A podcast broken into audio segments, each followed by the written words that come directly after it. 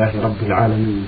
والصلاة والسلام على أشرف الأنبياء والمرسلين نبينا محمد وعلى آله وصحبه أجمعين. اللهم صل عليه أيها الإخوة الأحباب أيها الإخوة المستمعون الكرام نرحب بحضراتكم أجمل الترحيب مع هذا اللقاء الطيب المبارك الذي يجمعنا بسماحة الشيخ عبد العزيز بن عبد الله بن باز المفتي العام للمملكة العربية السعودية ورئيس هيئة كبار العلماء في مطلع هذا اللقاء أرحب بسماحة الشيخ. أهلا ومرحبا سماحة الشيخ عبد العزيز. حياكم الله وبارك فيكم. وفيكم.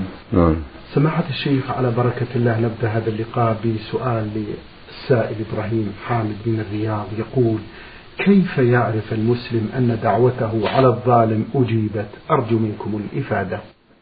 بسم الله والحمد لله وصلى الله وسلم على رسول الله وعلى آله وأصحابه ومن اهتدى بهداه. أما بعد فالأفضل ألا يدعو على الظالم يدعو على بل يسأل الله له الهداية وأن يرده إلى الصواب وأن يعطيه حقه فإن دعا عليه فلا حرج على قدر مظلمته. وإذا رأى أنه أصيب بما دعا به هذه علامة أنه وجبت دعوته.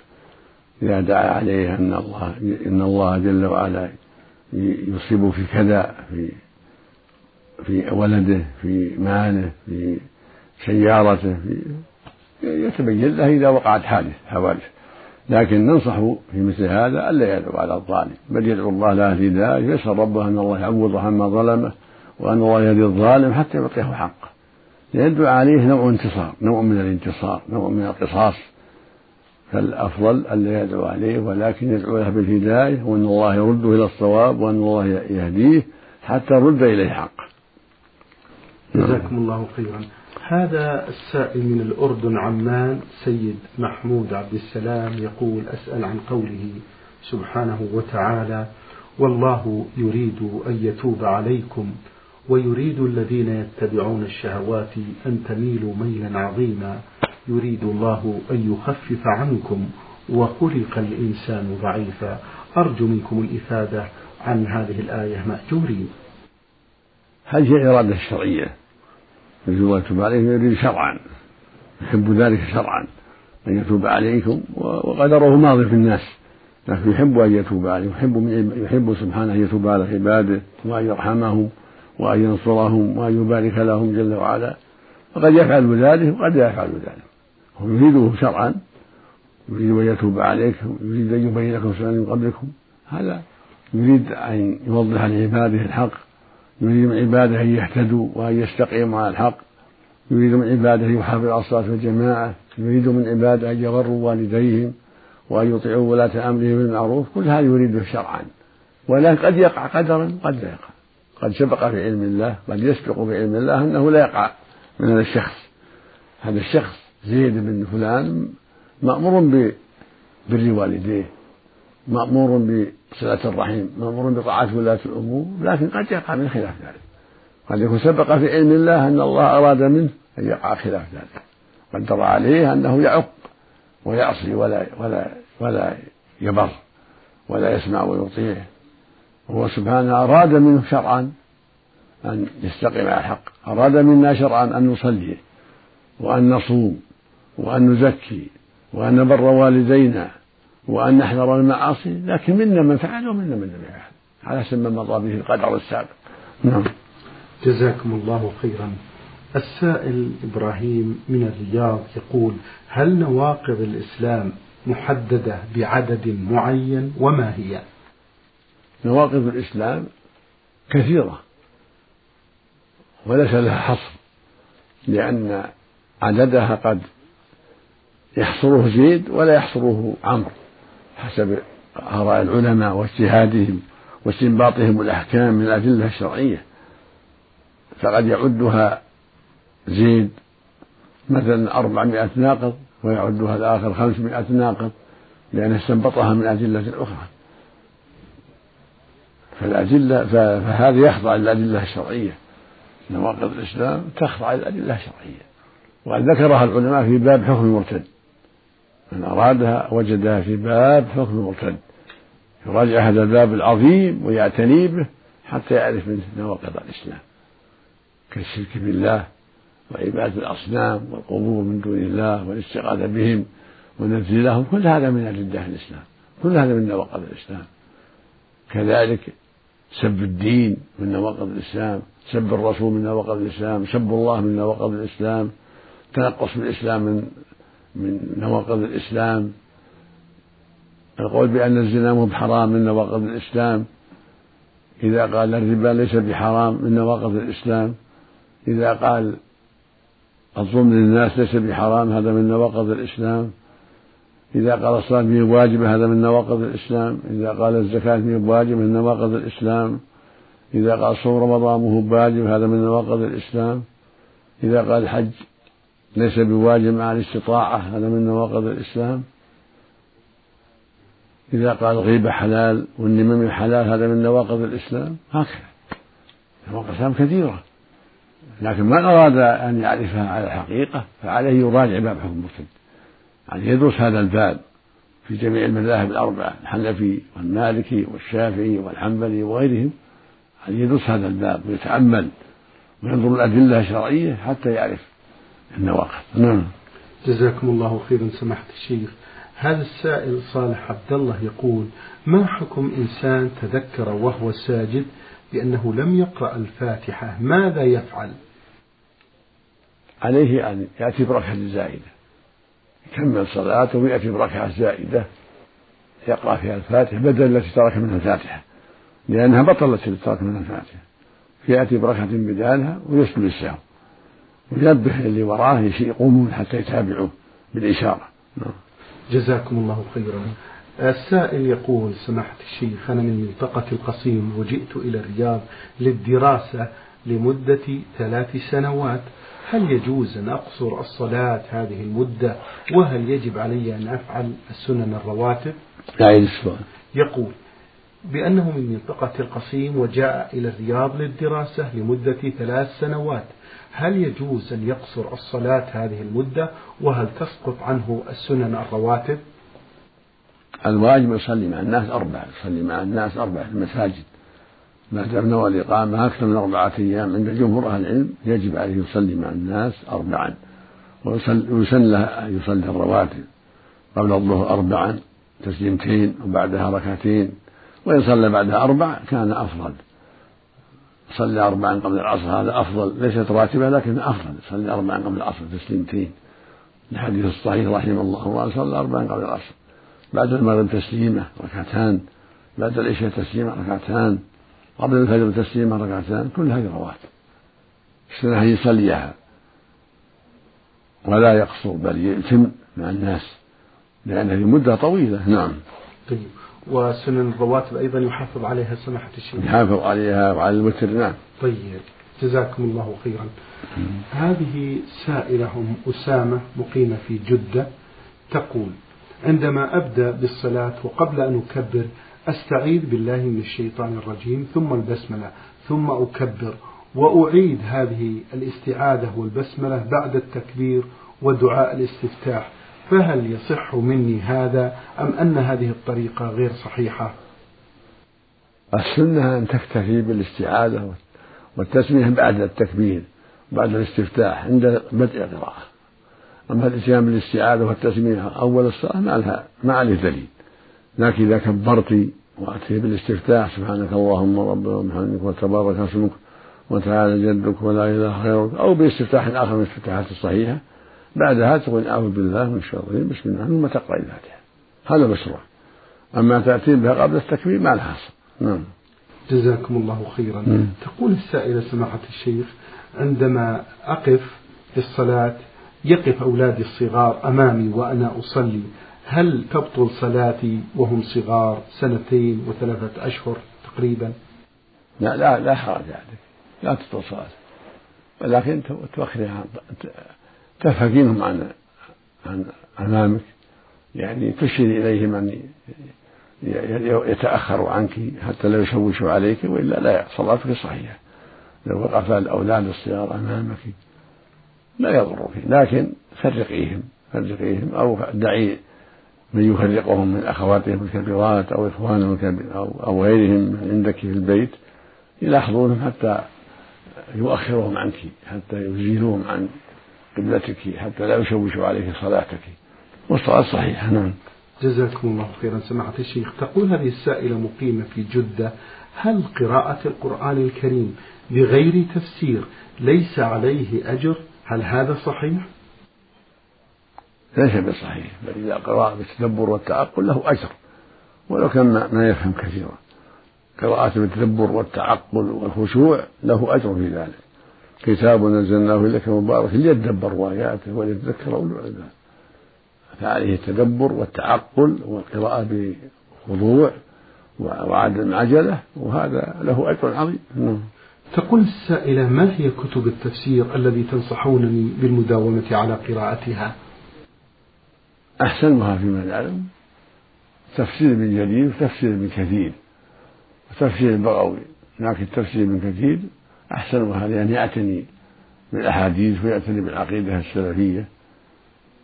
هذا تفسير جيد وإن كان مطولا. ولكن نوصيك بالتدبر. دعي عن كتب التفسير. نوصيك بقراءة القرآن بالتدبر والتعقل. واسأل أهل العلم عما أشكل عليه من طريق الهاتف من طريق المكاتبة. اسألهم عما أشكل عليك من الآيات. وإذا كان عندك علم وراجعت التفسير من جرير أو من كثير أو البغوي الفائدة فلا طيب. جزاكم الله خيرا. تقول هذه السائلة في آخر أسئلتها أديت العمرة أنا ووالدي ودفع لنا تكاليف العمرة والسفر زوجي فهل تقبل عمرة والدي؟ نعم إن شاء الله. إذا أخلص فيها واجتهد تقبل إن شاء الله. ولو أن زوجك ساعد في ذلك. إذا أخلص أبوك وأنتم في هذا واجتهدتم في طاعة الله والخشوع لله وطلبه القبول فهو سبحانه جواد كريم. إذا تقبل منكم فله من فضل سبحانه وتعالى. ولو كان الزوج هو الذي بذل النفقة إذا أخلصتم لله وصدقتم في أداء العمرة واجتهدتم في ذلك رغبة ورهبة فأنتم على خير عظيم. نعم. جزاكم الله خيرا سماحة الشيخ. هذه سائلة من السعودية تقول ابنة السعودية لي سؤال. لقد سمعت بأن صبغ الشعر ما دام فيه ستر للشيء فإنه لا يجوز. وتذكر بأنها آية لقد آية. تقول لقد سمعت بأن صبغ الشعر ما دام فيه ستر للشيء فإنه لا يجوز. وهي الآن تقول فتاة في العشرين من العمر تقول وقد اعترى الشيب شعري فهل يجوز أن أستعمل الحنة وأنا في هذا السن المبكر؟ جزاكم الله خيرا. صبغ الشيب سنة للرجال والنساء. صبغ الشيب سنة للرجال والنساء.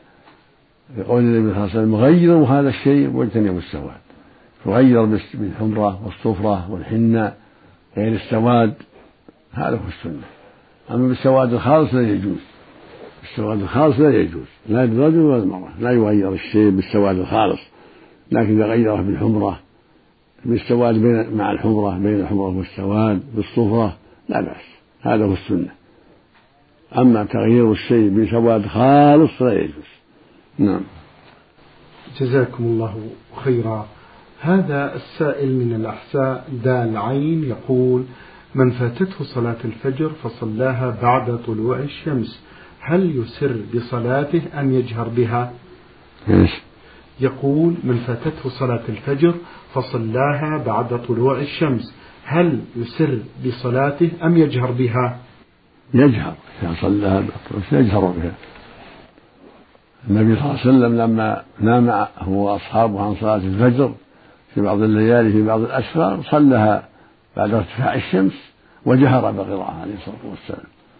السنة الجهر بالقراءة نعم. القضاء يحكي الأداء. نعم. جزاكم الله خيرا. سماحة الشيخ هذا السائل صبحي محمد مصري ومقيم بالرياض يقول ما حكم من لم يذكر من لم يذكر الله عند المشعر الحرام بعد الانتهاء من عرفات؟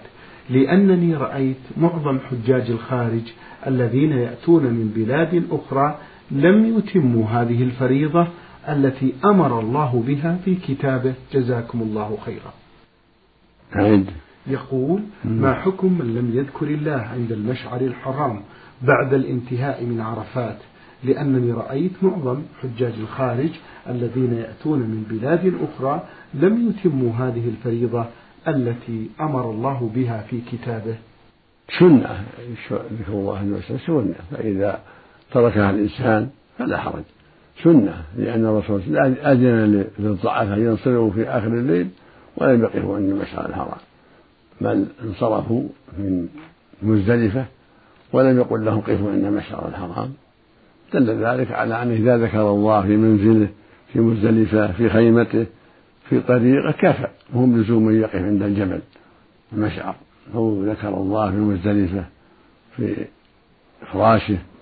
في مسكنه في طريقه كله ذلك طيب يكفي. هذا هو السنة. وإذا صعد الجبل وذكر الله عند الجبل بعد صلاة الفجر فهذا أكمل وأكمل وأفضل. بعد صلاة الفجر إلى أن يسفر كما فعل النبي صلى الله عليه وسلم. فإن الرسول صلى الله عليه وسلم وقف على المشعر فلما أسفر جدا انصرف إلى إلى منى. هذا هو الأفضل.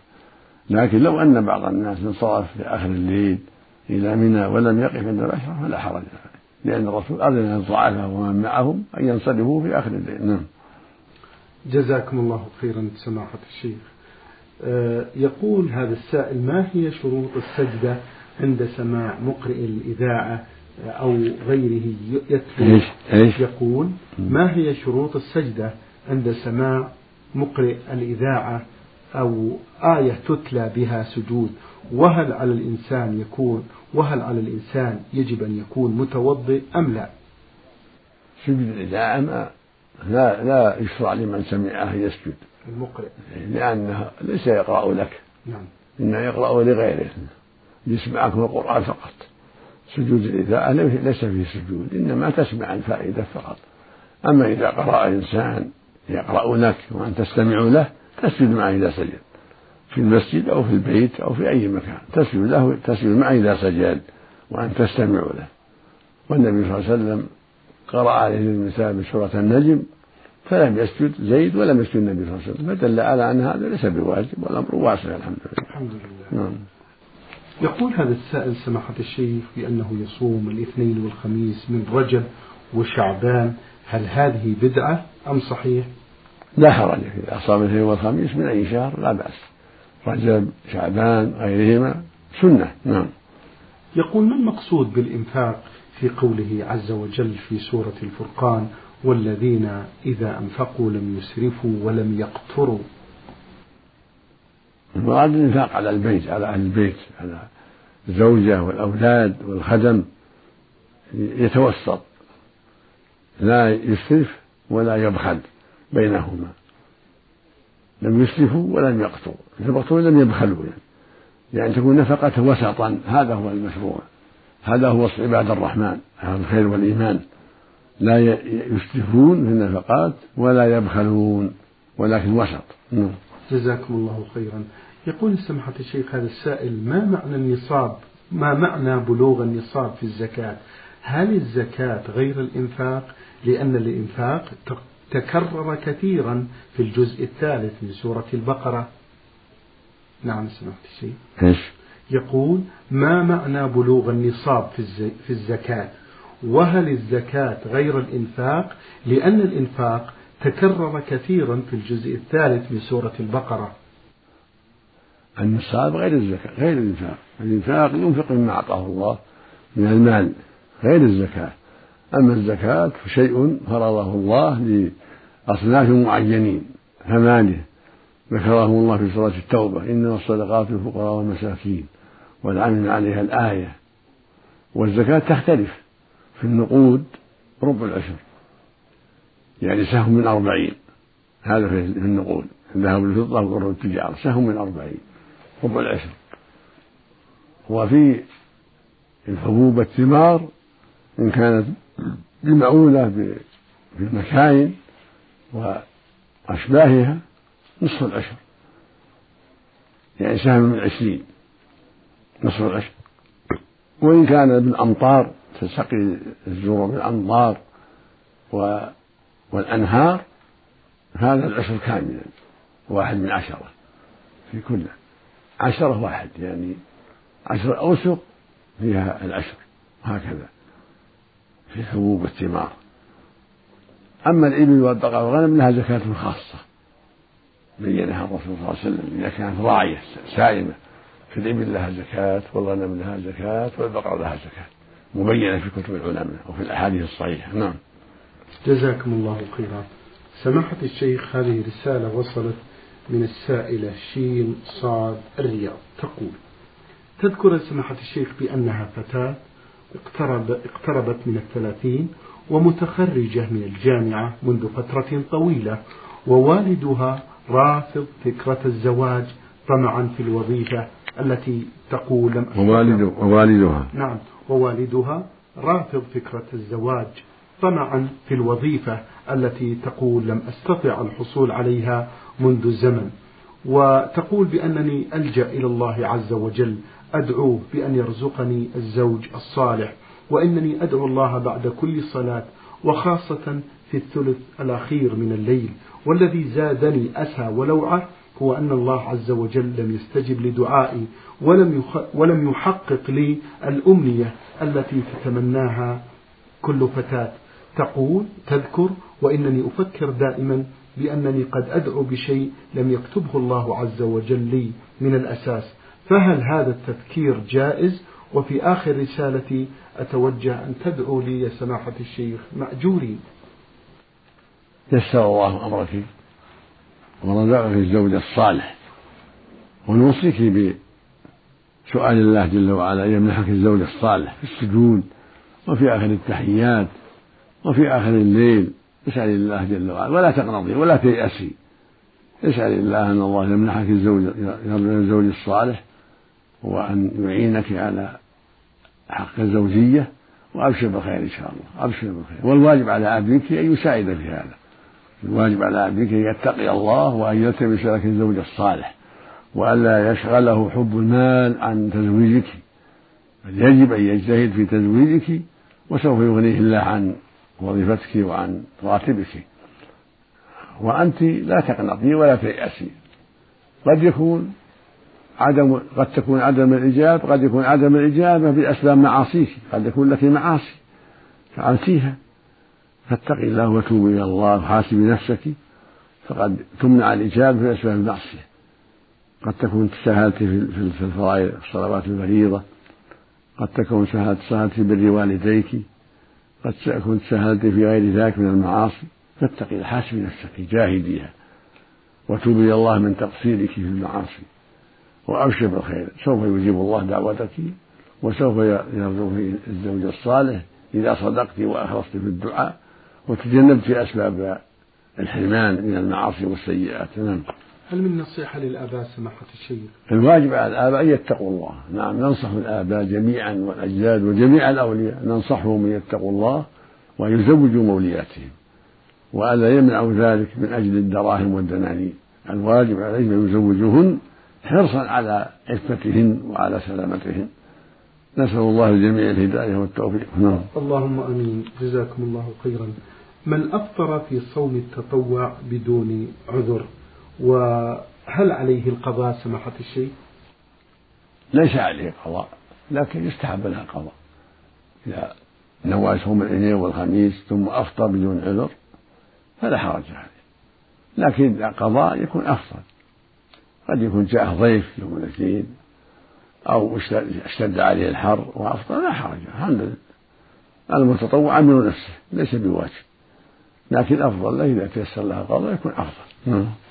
السائلة أم مريم تقول لي مجموعة من الأولاد الصغار ويكثرون من اللعب. هل يجوز الدعاء على الأولاد في مثل هذه الحالة؟ إذا كان أولادك فيهم بعض الشر كاللعن والشتم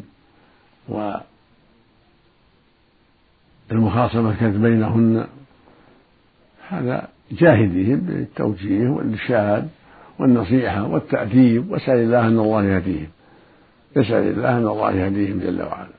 ولا لا تقنطي ولا تيأسي. اسأل الله لهم الهداية وعلميهم هكذا أبوهم وهكذا أخوهم الكبير هكذا جدهم ينصحهم. ويؤدبهم إذا رأى التأديب حتى يستقيموا لا تقنطي أبدا. جزاكم الله خيرا. هذه رسالة وصلت من السائل حاء ضع فيقول سماحة الشيخ ما حكم الإسلام في نظركم في كتابة الوالدين لما يملكون لأولادهم قبل الممات؟ نعم. يقول ما حكم الشرع في نظركم في كتابة الوالدين لما يملكون لأولادهم قبل الممات. هذا في التفصيل كان عطية لأولادهم يعطونها عطية وهم أصحاء سالمون لا بأس عطية. شرط العدل للذكر من حظ الأنثيين لا يخصهم بعضا دون بعض. يعطونهم جميعا للذكر من حظ الأنثيين لا بأس. أما وصية بعد الموت وصية في المرض فلا إذا كان هناك ورثة آخرون كالزوجة أو الزوج أو الوالدين لا يوصي بوصية للورثة. الورثة لا. يقول النبي صلى الله عليه وسلم إن الله قال أعطى كل ذي حق حقه فلا يصير وصية لوارث. وإذا أراد أن يوصي فليس له إلا الثلث. يوصي بالثلث أو أقل. نعم. لغير لغير الورثة. نعم. جزاكم الله خيرا سماحة الشيخ. السائل السائلة دال عين من الأحساء تقول من سهى في صلاته وقام من الركعة الثانية قبل أن يتشهد ولم يذكر إلا وهو في الركعة الثالثة. هل يعود ويجلس للتشهد؟ وإذا ذكر قبل أن يعتدل قائما هل يعود ويتشهد؟ وفي كلا الحالتين هل يسجد للسهو؟ أعد. تقول السائلة من سهى في صلاته. وقام من الركعة الثانية قبل أن يتشهد ولم يذكر إلا وهو في الركعة الثالثة. هل يعود ويجلس للتشهد؟ وإذا ذكر قبل أن يعتدل قائما هل يعود ويتشهد؟ وفي كلا الحالتين هل يسجد للسهو؟ إذا قام عن التشهد الأول وذكر في أثناء القيام يرجع يلزمه الرجوع والتشهد ويسجد للسهو كما فعله النبي صلى الله عليه وسلم.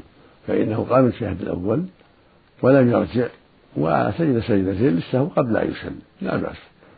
أما إذا شرع في القراءة ما ذكرنا بعد الشروع في القراءة لا يرجع يستمر ويثبت السهو والحمد لله قبل أن يسلم. نعم. نختم هذا اللقاء سماحة الشيخ بسؤال الأخ عبد الله ناصر. يقول هل يجوز قراءة القرآن الكريم بدون تطبيق للأحكام من غنات ومدود وصفات للحروف وغير ذلك؟ وهل تطبيق هذه الأحكام في القرآن واجب؟ نرجو منكم التوجيه. يجوز أن يقرأ القرآن بغير النظام بغير الترتيبات التي والاصطلاحات التي ذكرها أصحاب التجويد. إذا قرأ باللغة العربية قراءة واضحة فالحمد لله. لكن إذا اعتنى بما ذكره القراء وما ذكره أصحاب التجويد هذا حسن من باب تحسين القراءة. لقول النبي صلى الله عليه وسلم زينوا القرآن بأصواتكم فإذا لاحظ الغنة والتفخيم والترقيم يكون أفضل. وإلا فليس بلازم فيما يظهر لي لا يلزم ذلك. إذا قرأ باللغة العربية والحمد لله. إذا قرأ قراءة واضحة ليس فيها خلل فإن كونه يقرأ بغنة أو بإظهار أو بإخفاء أو بترقيق أو تفخيم هذا لا يضر. والحمد لله. نعم. الحمد لله. شكر الله لكم سماحة الشيخ. وبارك الله فيكم وفي علمكم وإياكم. نسأل الله عز وجل أن يحفظكم بحفظه وأن يكلأكم برعايته. أيها الإخوة الأحباب أجاب على أسئلتكم سماحة الشيخ عبد العزيز بن عبد الله بن باز المفتي العام للمملكة العربية السعودية ورئيس هيئة كبار العلماء. شكر الله لسماحته وفي ختام هذا اللقاء لكم التحية من الزميلين من الإذاعة الخارجية الزميل فهد العثمان ومن هندسة الصوت سعد خميس. والسلام عليكم ورحمة الله وبركاته.